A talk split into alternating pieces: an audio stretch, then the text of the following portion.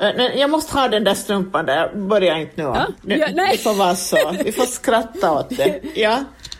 Det är kulturens villkor nu för tiden. Säg inte annat, ja. Vi skulle ju ha setts i en annan tidräkning, höll jag på att säga, men alltså ja. i Umeå då i våras. Det var just då som allting började. Man trodde att det skulle vara några veckor.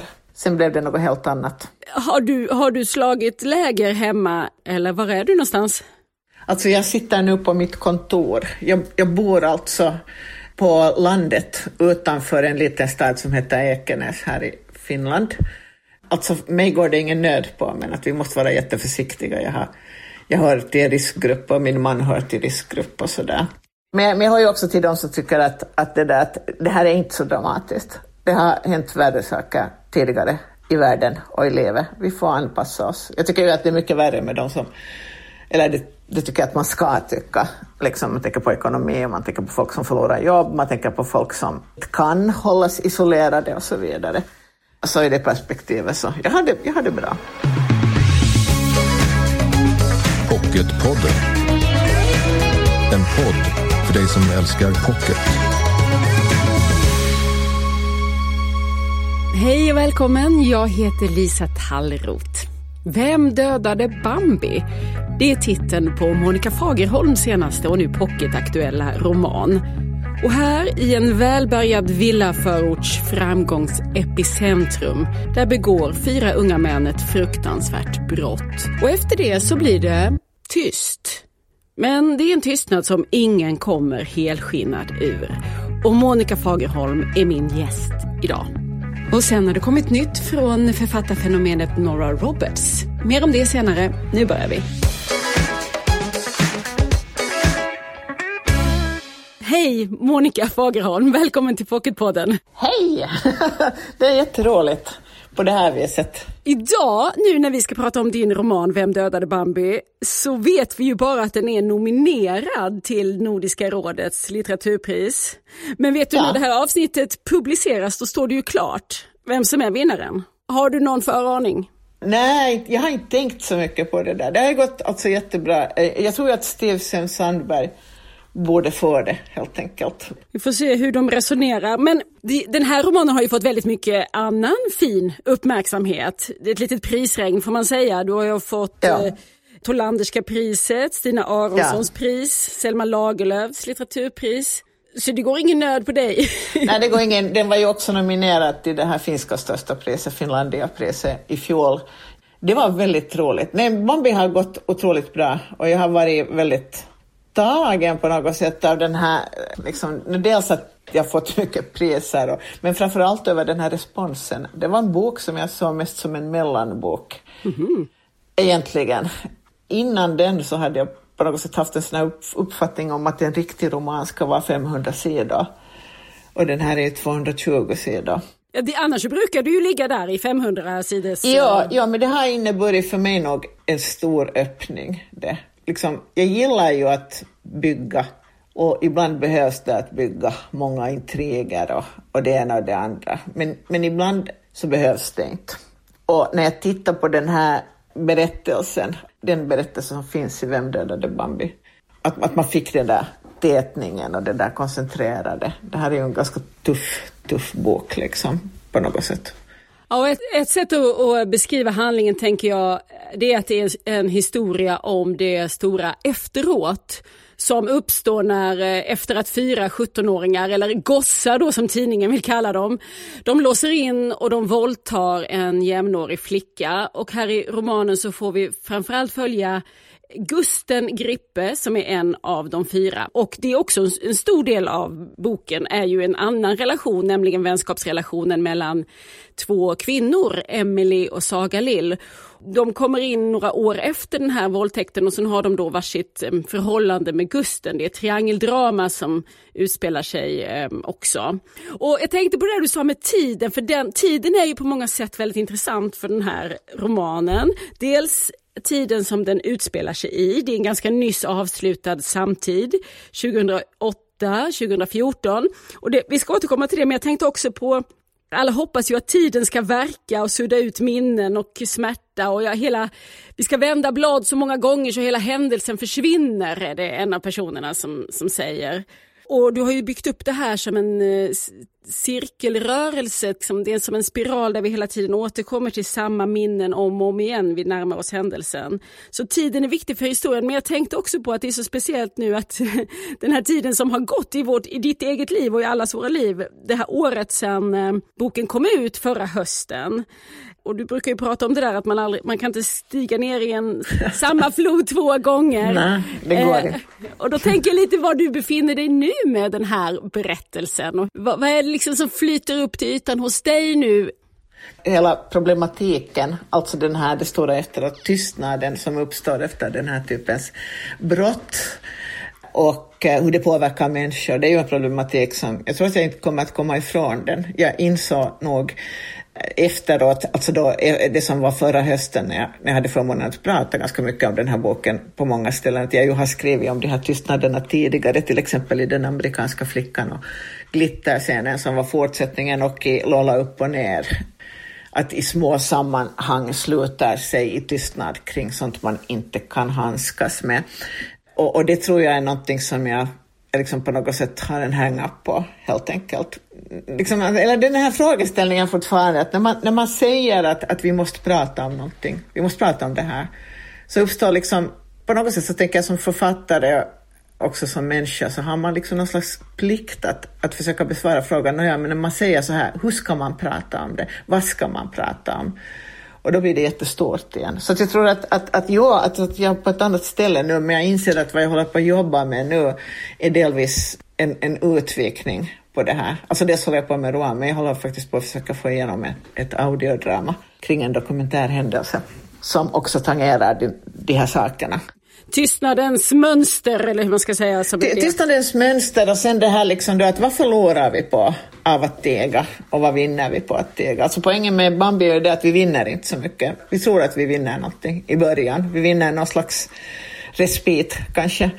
Men det, det fungerar ju inte så det är en traumautveckling som sätts igång, alltså det är någonting som bara blir ett litet frö där inne som sen kommer att explodera om och om igen.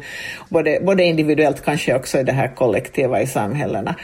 Jag tror, jag tror på riktigt, jag har också tänkt på att, att vi har också ett behov av att bara utan att ha någon slags målsättning med det så har vi ett behov av att få prata om och behandla svåra saker som har hänt.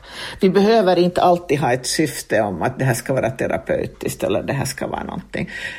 Liksom, förstår du vad jag menar? Det är ett självändamål att sätta ord på det, är det det du menar?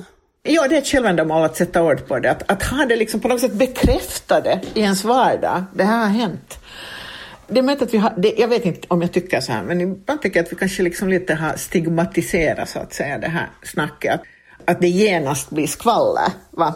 om man inte behandlar det väldigt seriöst. Jag tror att vi har ett behov av att tillsammans avhandla sådana här saker på ganska många olika sätt, helt enkelt. I det här samhället som du skildrar så är det ju, det är många personer som blir berörda av den här händelsen och, och Gusten en av dina huvudpersoner, han är ju en av förövarna. Och hur var det där att, att tänka sig in i förövarens perspektiv?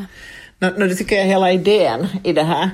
Det vill säga, alltså Gustens stora upptäckt, som i sig är traumatiserande, är ju det att han tror någonstans som den oskyldiga, fast han är skyldig pojke han är, att bara han går till polisen och, och anmäler sig så blir allt bra och rättvisan har sin gång. Det vill säga, han kan inte alls föreställa sig, jo det blir ju en rättegång, men, men den är nästan som en teaterföreställning, det vill säga det blir en slags parodi på rättvisan.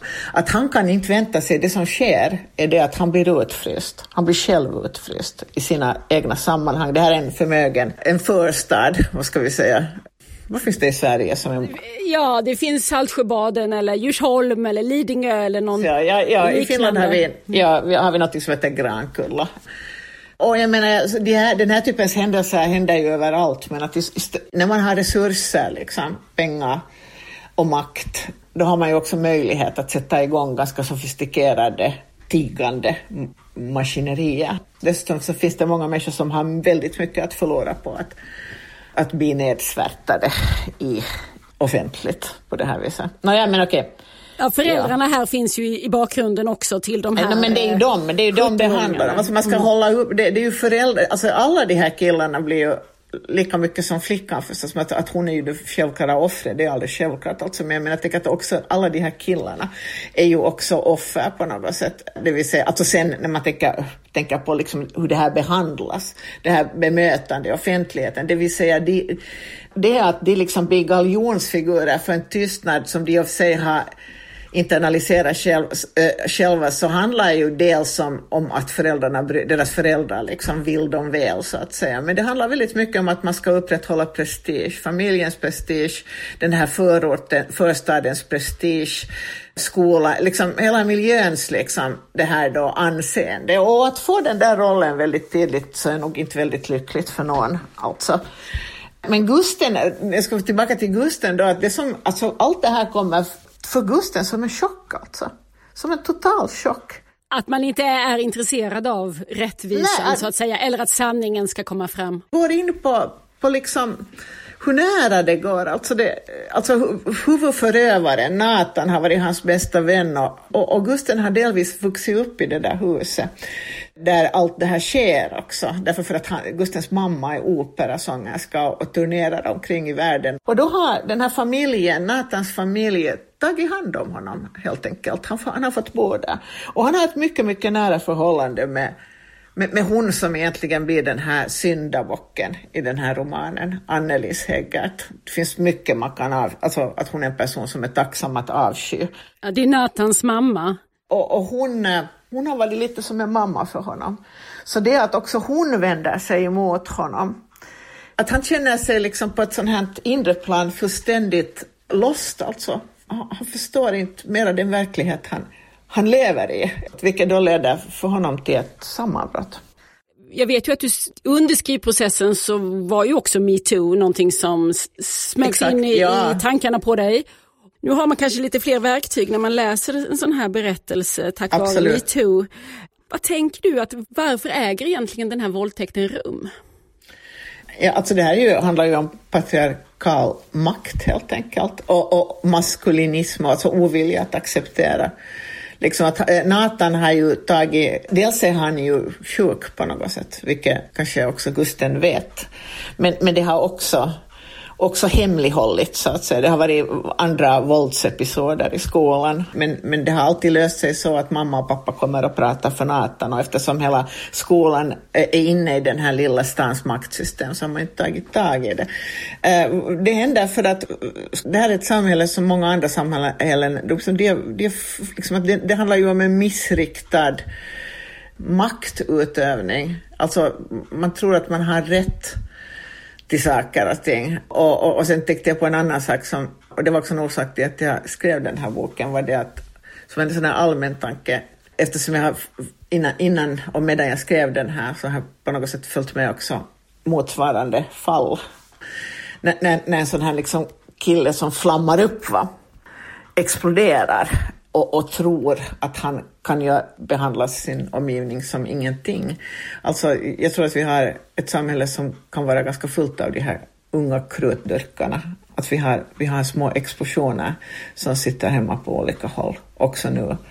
Förstår du vad jag menar? Förstår du vad jag menar? Ja, men man jag, jag svänger lite genom läsningen hur jag ska förstå mig på Nathan om han är sjuk som du säger. Är han en, är han en avart eller är han en, eh, någon slags konsekvens av eh, det system vi har?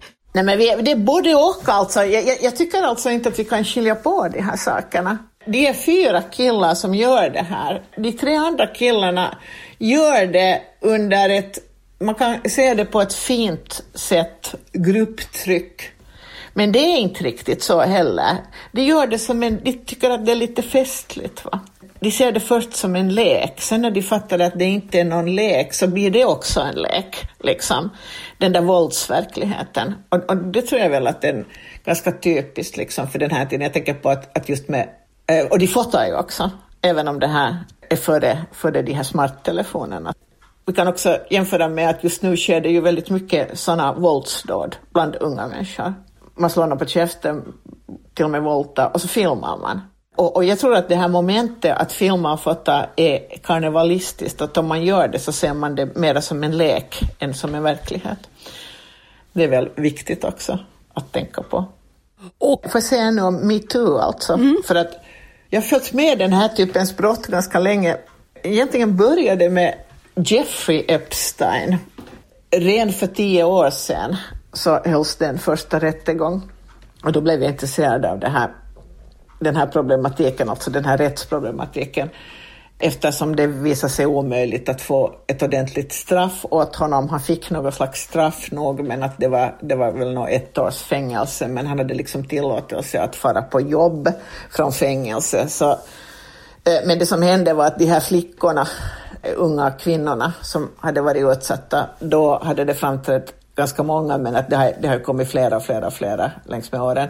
De blev helt utställda i pressen och i medierna. Det vill säga, det som, då har, som skedde då och som är ett bjärt exempel på hur det har varit, alltså det är ju offren, offren som skuldbeläggs. Hur man än har de här rättegångarna, så, så det är offren som betalar priset för det.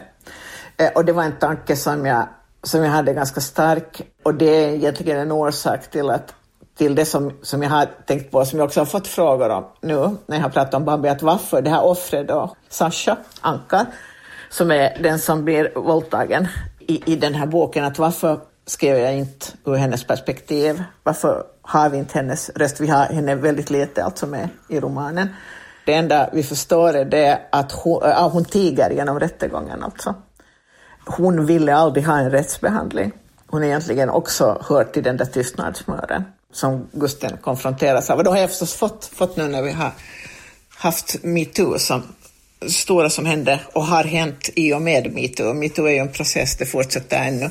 Så är det att, att offren stegvis tar sig ton och får en röst och, och det sker en sån här överföring av den där skulden liksom, i samhället. Det här tror jag är en bra process, men jag tror att vi kommer att se kanske om 10-15 år först riktiga resultat. Men okej. Okay. Men tror du att Sasha, offret här, om hon hade fått uppleva metoo, hade hon tänkt annorlunda tror du? Det, det, är möjligt att hon hade tänkt annorlunda, men jag vill inte heller försköna det här. Av den anledningen för att Sasha vet att hur mycket metoo det än finns så är den här maktutövningen som sker i det här lilla samfundet mycket viktigare än eh, all rättsbehandling. Det vill säga hon har allt skäl att om Nathan fortfarande har beslutat, och eh, Nathan och Nathans familj har beslutat sig för att det här ska inte ut i offentligheten så menar de det. Det vill säga priset, det vad hon kan vinna är mycket mera genom att ta pengarna och sticka alltså helt enkelt. Sasha, alltså det vill säga, och vi försöker på något sätt via henne också säga det att, att vad vinner, alltså det här är, jag menar det här är en hemsk fråga. Alltså vad vinner, vad skulle hon egentligen vinna på med en rättsbehandling? Eh, för henne är ju det fruktansvärda att detta har hänt. Och det, kommer, det kommer ingen eh, rättegång att förändra. Och det kanske jag tänkt att vi överhuvudtaget, vi är ju rätt fixerade vid eh, det juridiska. Och det är väl inget fel i det men jag tänker att det är verkligen bara, ibland blir det som att om vi bara kan få, få in alla i en, en rättssal så har vi löst det här. Det, det, det, är exakt vad jag menar, det är exakt vad jag menar. För, för att det inte, och där kommer vi igen tillbaka tycker att det här som jag, som, som jag försökte säga här i början, liksom det, att det är viktigt att vi pratar om de här sakerna, att vi bekräftar dem i vår värld och vår verklighet, också utanför de här rättssalarna. Just därför alltså. För, för att de är, ska bli en del av våra liv. Sen är det ju det att, att om vi tänker på, på Sasha då, hon går ju också under av den här tystnaden. Men varför gav du henne så lite plats i romanen? Därför för att helt realistiskt så ville jag helt enkelt teckna en stor scen, alltså, eller iscensätta hela den här händelsen. Och då ville jag också eh, ganska realistiskt se eh, vad är offrets roll, vad är hennes del på den här scenen. Den är typ i en sån här verklighet 5 procent alltså.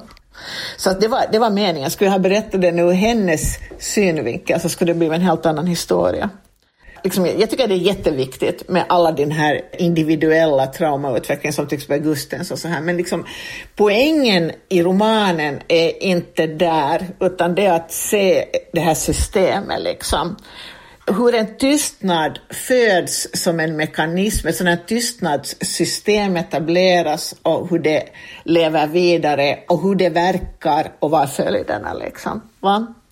Och föräldrarna var du ju inne på, de är ju då viktiga motorer i detta. Och Annelis, som du nämnde, Natans mamma, alltså gängledarens mamma. Hon är, du sa själv att hon är lätt att tycka illa om. Och varför är hon det? No, hon har ju, alltså jag menar, jag, jag hatar ju henne också, men sen jag tycker hon är ganska rolig. Jag tycker ju också om henne. Alltså. Det det. Men, men jag vill ju visa det här att hon har alltid mot sig. Alltså hon är ju, alltså jag tycker hon är motbjudande politiskt. Alltså. Hon är en sån här Ayn Randian, hon är nyliberal, hon är värre än Thatcher. Men väldigt framgångsrik då får man ju lägga till. Jo, jo, men det är ännu värre det. Liksom. Och hon är full med de här flosklerna alltså. Men jag tänker på att du har satt henne på en väldigt tunn is eftersom hon också är ingenting-flickan som eh, växte upp på barnhem. Ja, precis. Ja, det är det jag tycker liksom, att ingenting är ju enkelt alltså. Folk är inte onda och goda, alltså hur de är. Jag tycker att litteraturen ska ju liksom problematisera saker och ting, att vi, vi är inte någonting, men det vad som är avgörande, både i livet och det kan litteraturen också visa, är våra gärningar, våra handlingar, vad vi gör. Sådär. Jag tycker att ibland när man skildrar svåra, liksom, etiskt problematiska saker som, som, som blir problematiska även om de är enkla, som typ våldtäkter så, där. Så, så, så, kan vi göra det där felet att vi förenklar för mycket, det vill säga att vi gör, vi gör allt sammans till ett system av good guys och bad guys, alltså att det finns de goda människorna och så finns det de onda människorna och de goda människorna är oftast de som inte har makt och de onda människorna är de som har makt. Det, alltså, ack om så vore, det är ju inte så. Va? Du har en del litterära referenser i romanen här och bland annat eh, tycker jag nu det låter som det vore läge att ta med det här citatet du själv har skrivit in från eh, Simone Weil, den fransk-judiska eh, filosofen. Så här eh, står det, att älska en främling som sig själv innebär att älska sig själv som en främling. Ja, det där är ju alltings eh, nötskal egentligen. Det vill säga att vi måste lära oss att älska främlingen i den andra. Och det innebär också att vi måste lära oss på något sätt att förhålla oss till främlingen i oss själva. Och det vill säga, vi vet inte allt om oss själva. Vi vet aldrig allt om den andra, men det är just i det här mötet mellan, det är så att kärlek uppstår till exempel, när två främlingar kolliderar det vill säga någonting man inte vet att finns i en själv möter någonting som man inte heller visste att finns i en annan. Så där. Det här låter jättefint. Och jag, och jag tänker att, att det är någon slags, ja, det är någon slags mognad som människa det handlar om. Och att det är det som många av romanens karaktärer vägrar, att acceptera främlingen i sig själva. Absolut, vägrar att acceptera, vägrar att se, vägrar på något sätt att ta in det här. Jag tror, alltså, jag tror ärligt att det här är en väldigt väldigt allmän problematik, inte bara i den här romanen, utan det som händer med Gusten, liksom att när han får sitt så kallade sammanbrott så hamnar han ju att konfronteras med, med sin främling på något sätt. Ofta gör vi det i gränstillstånd, det vill säga när vi blir tokiga eller när vi går in i, i neuroser eller, eller så här. Men kärleken är egentligen ett helt oprogrammerat, irrationellt möte. Liksom. Och, och där tänker jag liksom att, att ett samhällsscenario, så som det ser ut där i den där lilla villastan, där man måste ha kontroll över allt. Överallt. Man ska ha, för att det är viktigt, man ska upprätthålla, man ska upprätthålla makt, man ska upprätthålla, man ska ha, upprätthålla liksom sin hegemoni, hegemoni eller herregud jag kan inte säga det här ordet, hegemoni heter det. Så det där så finns det inga utrymme, inget spelrum för någonting okänt främmande igen. Och därför så löper du amok sen, alltså det irrationella. Men Gusten har sitt sammanbrott och det är ju strax därefter som sen Emily dyker upp. Och jag tänker på det att när den här boken har diskuterats och recenserats så har det ju varit mycket fokus på den här våldtäktshistorien som förstås är berättelsens mörka kärna. Men, men i alla fall i sidantal så tror jag att vi får följa precis lika mycket de här unga kvinnorna, Emily och Saga Lill. Och varför, varför pr pratar vi inte mer om dem? Eller vad, vad, har du själv tänkt på det? Ja, ja, ja det, nej, men det är hela idén med romanen att det där ur vilken vinkel vi ser det. No, det, det viktiga är kanske det Alltså det uppenbart viktiga är det att det här, det här så kallade triangeldrama som faktiskt eh, som utspelas mellan de här tre, fyra år efteråt, det är två tjejer som kommer från landet till stan och ska, ska då så att säga börja sitt stadsliv. Alltså det uppenbara som det här ju handlar om är att det är att Emmy lämnar Gusten och att är ju det som delvis tar fram det här. Gusten har förträngt allt som har hänt. Men Gusten riskerar då att hoppa ner i samma tomhet där han en gång fanns. Va, liksom. men, men i Gustens fall så, så handlar ju den här stora, stora förälskelsen i Emmy om han träffar henne alltså direkt efter att han har haft sitt sista möte med Sasha Ankar, alltså våldtäktsoffret. Och han är tillintetgjord, han är helt identitetslös. Och så, kommer, så träffar han Emmy i en park. Va, liksom. Och hon är liksom som ett tomt ark. Och där uppstår explosionen, en enorm förälskelse, egentligen just därför. Och, och Emmy är också ganska tom. Va? Ja, vad, vänta, stopp, vad menar du med det? Vad är en tom människa? I romanen menar vi också att det är något gott i den här tomheten, det vill säga det är ett vägskäl kan vi säga. Alltså det gamla, min gamla berättelse om mig själv, det vad jag är, den håller inte längre. Och det brukar kallas för ett mognad liksom, i ungdom och vuxenhet. Jag tror på riktigt att någonting händer där i 25, det var därför jag passerade den här åldern, 25, 26, 27. Då, då sker den där riktiga mognaden eller självständighetsutvecklingen. Det vill säga att du inser att du måste ha haft dina första motgångar och det, det är vad de här flickorna går igenom. Gustav har en kanske en djupare problematik. Men alltså att, att, det där, att allt blev inte som jag hade tänkt, vad ska jag göra nu liksom? Vi styrs ut ganska mycket, tycker jag, idag i drömmar vi tror att bara vi, bara vi vill någonting tillräckligt mycket, bara vi drömmer tillräckligt starkt om någonting, bara vi eh, jobbar tillräckligt hårt för någonting så kan vi få det. Och det är ju det som vi som vuxna, lite äldre människor fattar, att så är inte fallet. Ibland hjälper det va? Ibland kan det vara jättebra när de här drömmarna faller av en. Plötsligt ser man en ny värld, nya möjligheter, nya sätt att vara. Liksom. Och det är det jag försökte, alltså det här slutet i romanen är faktiskt ganska positivt. För att den försöker, tycker jag, säga någonting sånt här. Till exempel att de här tjejerna, unga kvinnor, jag kallar nu tjejerna, de är ju nog mogna kvinnor, eller de är ju inte mogna kvinnor, men de är kvinnor.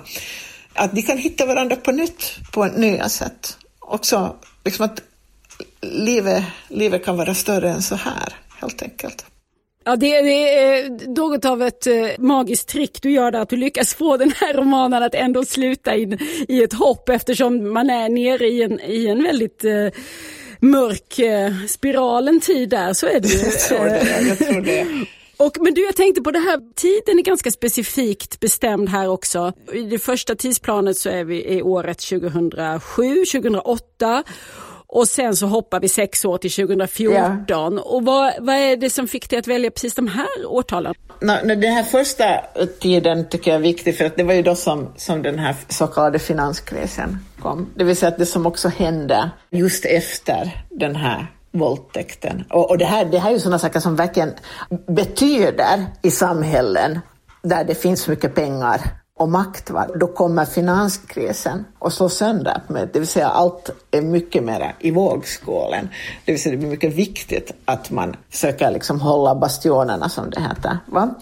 Eh, och sen var det också någonting med den där tiden som jag själv kommer ihåg att jag tycker att det var en sån här, någon gång just där 008 så var det en sån här, alltså jag, jag hör ju till de som varit ung på 80-talet alltså 1980-talet. Eh, ska vi förtydliga här? Det var, då var jag i 20-årsåldern. Och det fanns någonting som påminde om det där otroliga överflödet. Alltså bling-bling, alltså hela den här nästan arroganta att ha, att ha, att ha. Just, just som kan jämföras tycker jag med den här tiden. Det, det är mitt minne från då och det har alltid fascinerat mig den här tiden på många olika sätt. Sen, man behöver inte ha ont samvete för någonting. Det, det är också präglande för en sån här tid.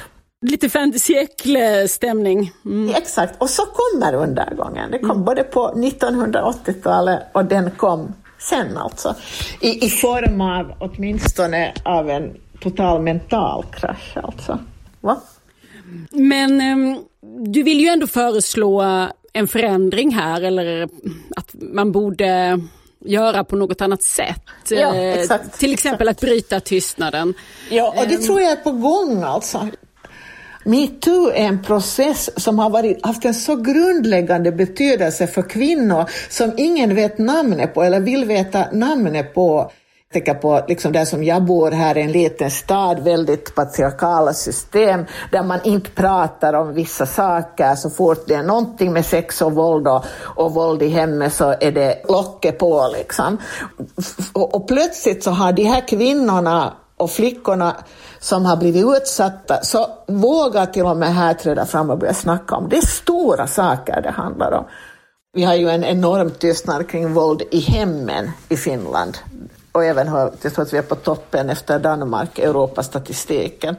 Och det är jättesynligt, tycker jag, i små, alltså mindre samhällen, är det att vi, alla den här typens brott, det är liksom privatsaker.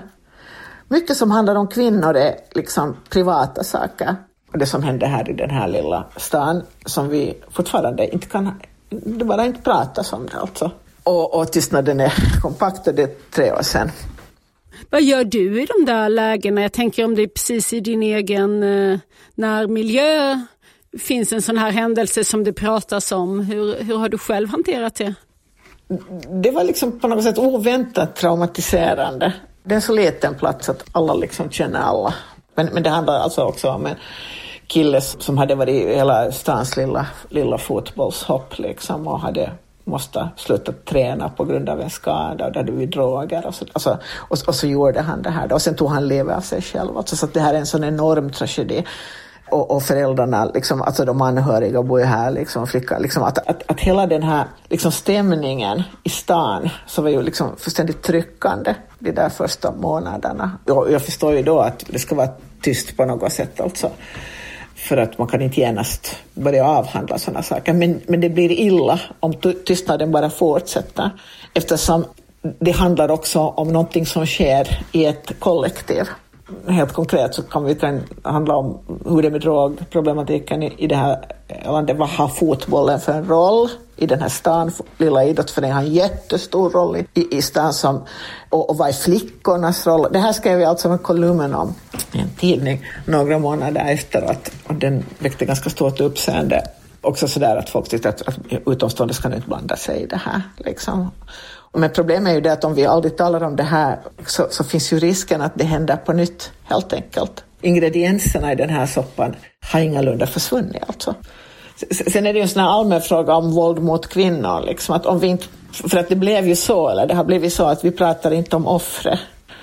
Därför att i den här tystnaden ingår då att, att eftersom det är så traumatiskt för, för de efterlevande i den här byn som är förövarens familj och släkt och, och, och hennes släkt bor på ett annat ställe så, så tiger vi då. Men det betyder att vi tiger ihjäl henne också. Hon som som blev offer.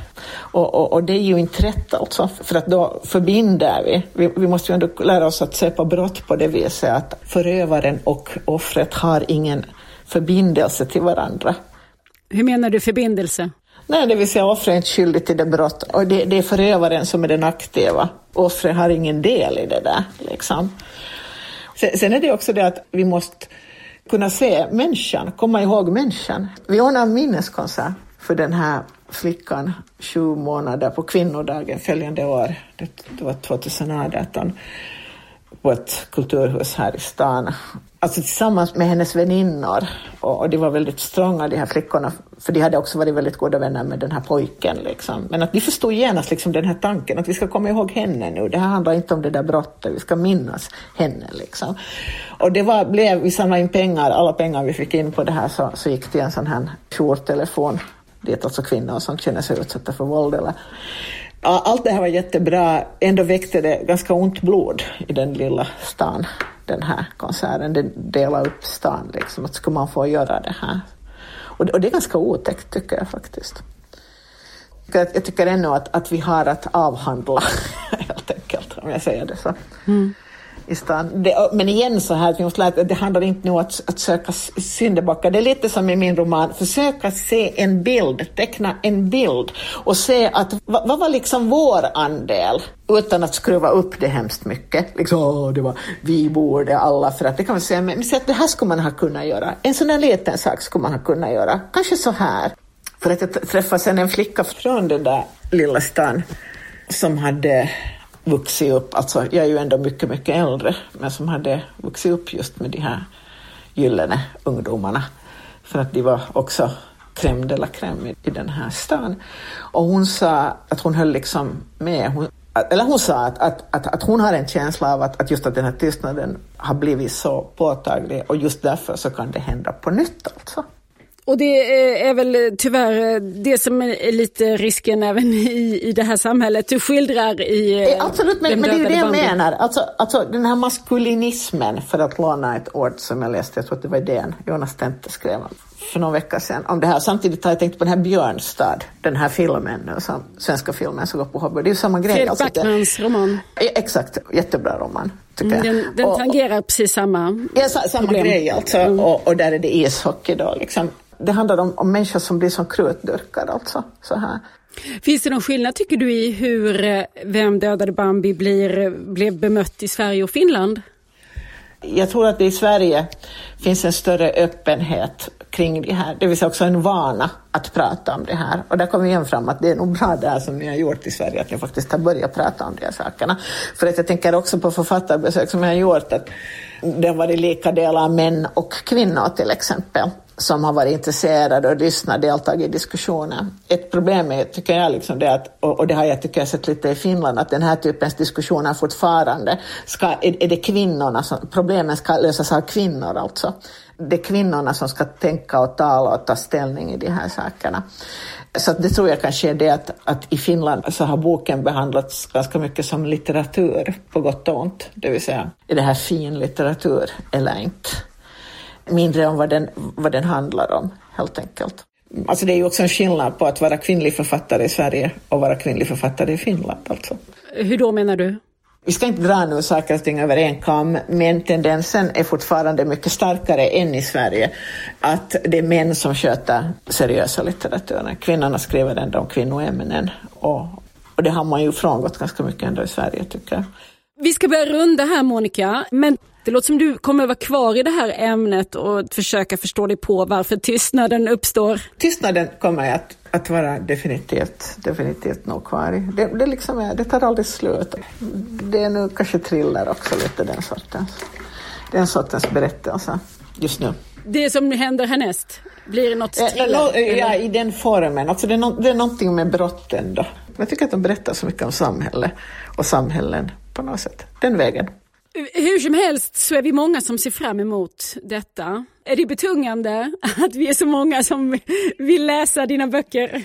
Nej, nej det är faktiskt inte alls betungande. Det var, det var tidigare. Alltså jag, menar, jag, är ganska, jag fyller ju 60 alltså, nästa år. Och jag, fick, eh, jag har fått så mycket under min karriär eller vad man ska kalla det. Jag har fått mycket priser. Jag har fått utmärkelser. Jag har ju fått Svenska Akademins nordiska pris för några år sedan och det är ju någonting av det finaste man kan få i Norden. Och så fick jag nu i våras det här Tolanderska priset som är det finaste priset man kan få i Finland. Och så fick jag massor med pengar. Alltså det är, pengar ger ju inte... Alltså jag, menar, jag, är ju ingen miljonär på något sätt på mina böcker, det är inte därför jag gör det.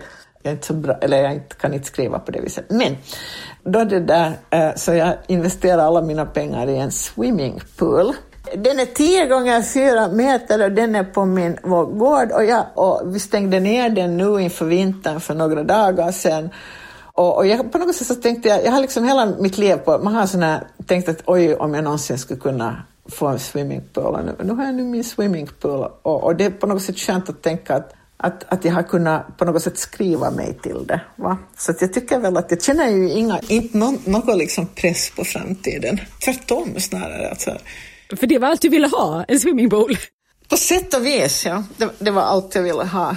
Då säger vi inte ett ord till om några priser nej, nej, nu, nej, utan det låter det vara slutorden istället. Tusen tack Monica Fagerholm, vad roligt det var att prata med dig. Tack så mycket. Tack så mycket. Pocketpodden. Ja, det finns författare och så finns det fenomen och amerikanska Nora Roberts får väl sägas höra till det senare. Det sägs att det säljs en Roberts-roman var fjärde sekund i USA. Kan det stämma, Jessica Coltejan? Du jobbar ju på Bonnierförlagens försäljningsavdelning. Ja, det, det, tror jag säkert att det gör. Nej, vi har ju sålt fyra miljoner åtminstone. Och vad tror du att den här framgången beror på? Men dels så tror jag ju just att hon har en så stor produktion att det gör, jag läste någonstans att det är över 200 böcker som hon har skrivit nu. Men också att hon spänner över så många genrer. Det som vi gör på Bonnierförlagen, vi ger ut hennes spänningsdel och hennes romansdel. Så de spåren har vi. Men jag vet att hon har skrivit science fiction under eh, eh pseudonym och sådär också. Så att... Men även om hon rör sig mellan genrer så är det inte skildringar av mänskliga relationer som är det centrala. Och det gör ju hon med den äran. Det är ju hennes forte, om man säger så. Det är ju det som hon är riktigt duktig på. Och det säger hon själv också. Att hon älskar att gräva ner sig i relationer. Och... och det är väl det hon återigen ger prov på i sin senaste roman som heter Förövarna. Vad handlar den om? Det handlar om den perfekta familjen som har allt. De är vackra, de är rika. Men bakom fasaden så är det ju en annan sanning. Och det handlar om att eh, pappan i familjen, han är läkare och han är också en förövare. Han slår sin familj. Och det som är lite läskigt är att han slår dem och sen så plåstrar han om dem. Men eh, nu börjar då Sein som är eh, sonen i familjen, han börjar ju bli en ung man. Så en dag säger han ifrån och pappan hamnar faktiskt i fängelse. Klipp till 20 år senare när Sein återvänder till sin hemstad som han inte har varit i. För att försöka liksom bearbeta sitt trauma. Och eh, när han är där så träffar han ju naturligtvis en kvinna, Darby det visar sig att hon också bär på ett trauma. Hon är också utsatt av en förövare.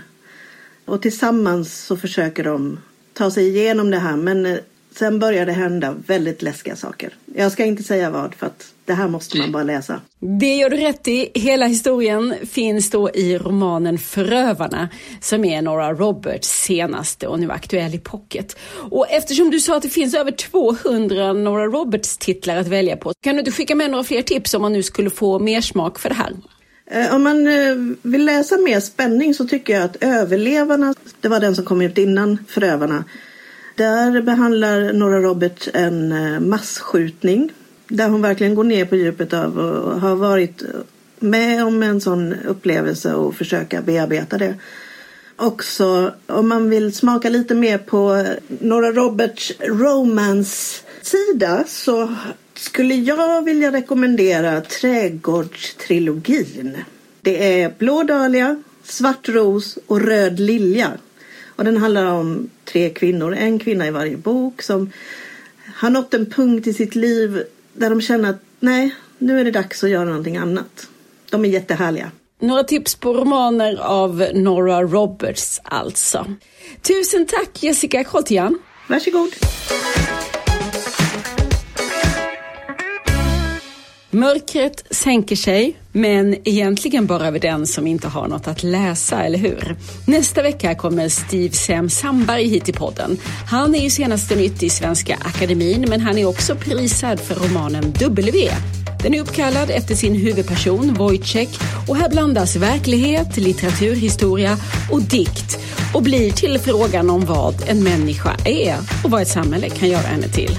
Håll ut till dess och följ oss i sociala medier där vi heter Älska Pocket och jag heter Lisa Tarrant. Hej då! Du har lyssnat på Pocketpodden. En podd från Bonnierförlagen.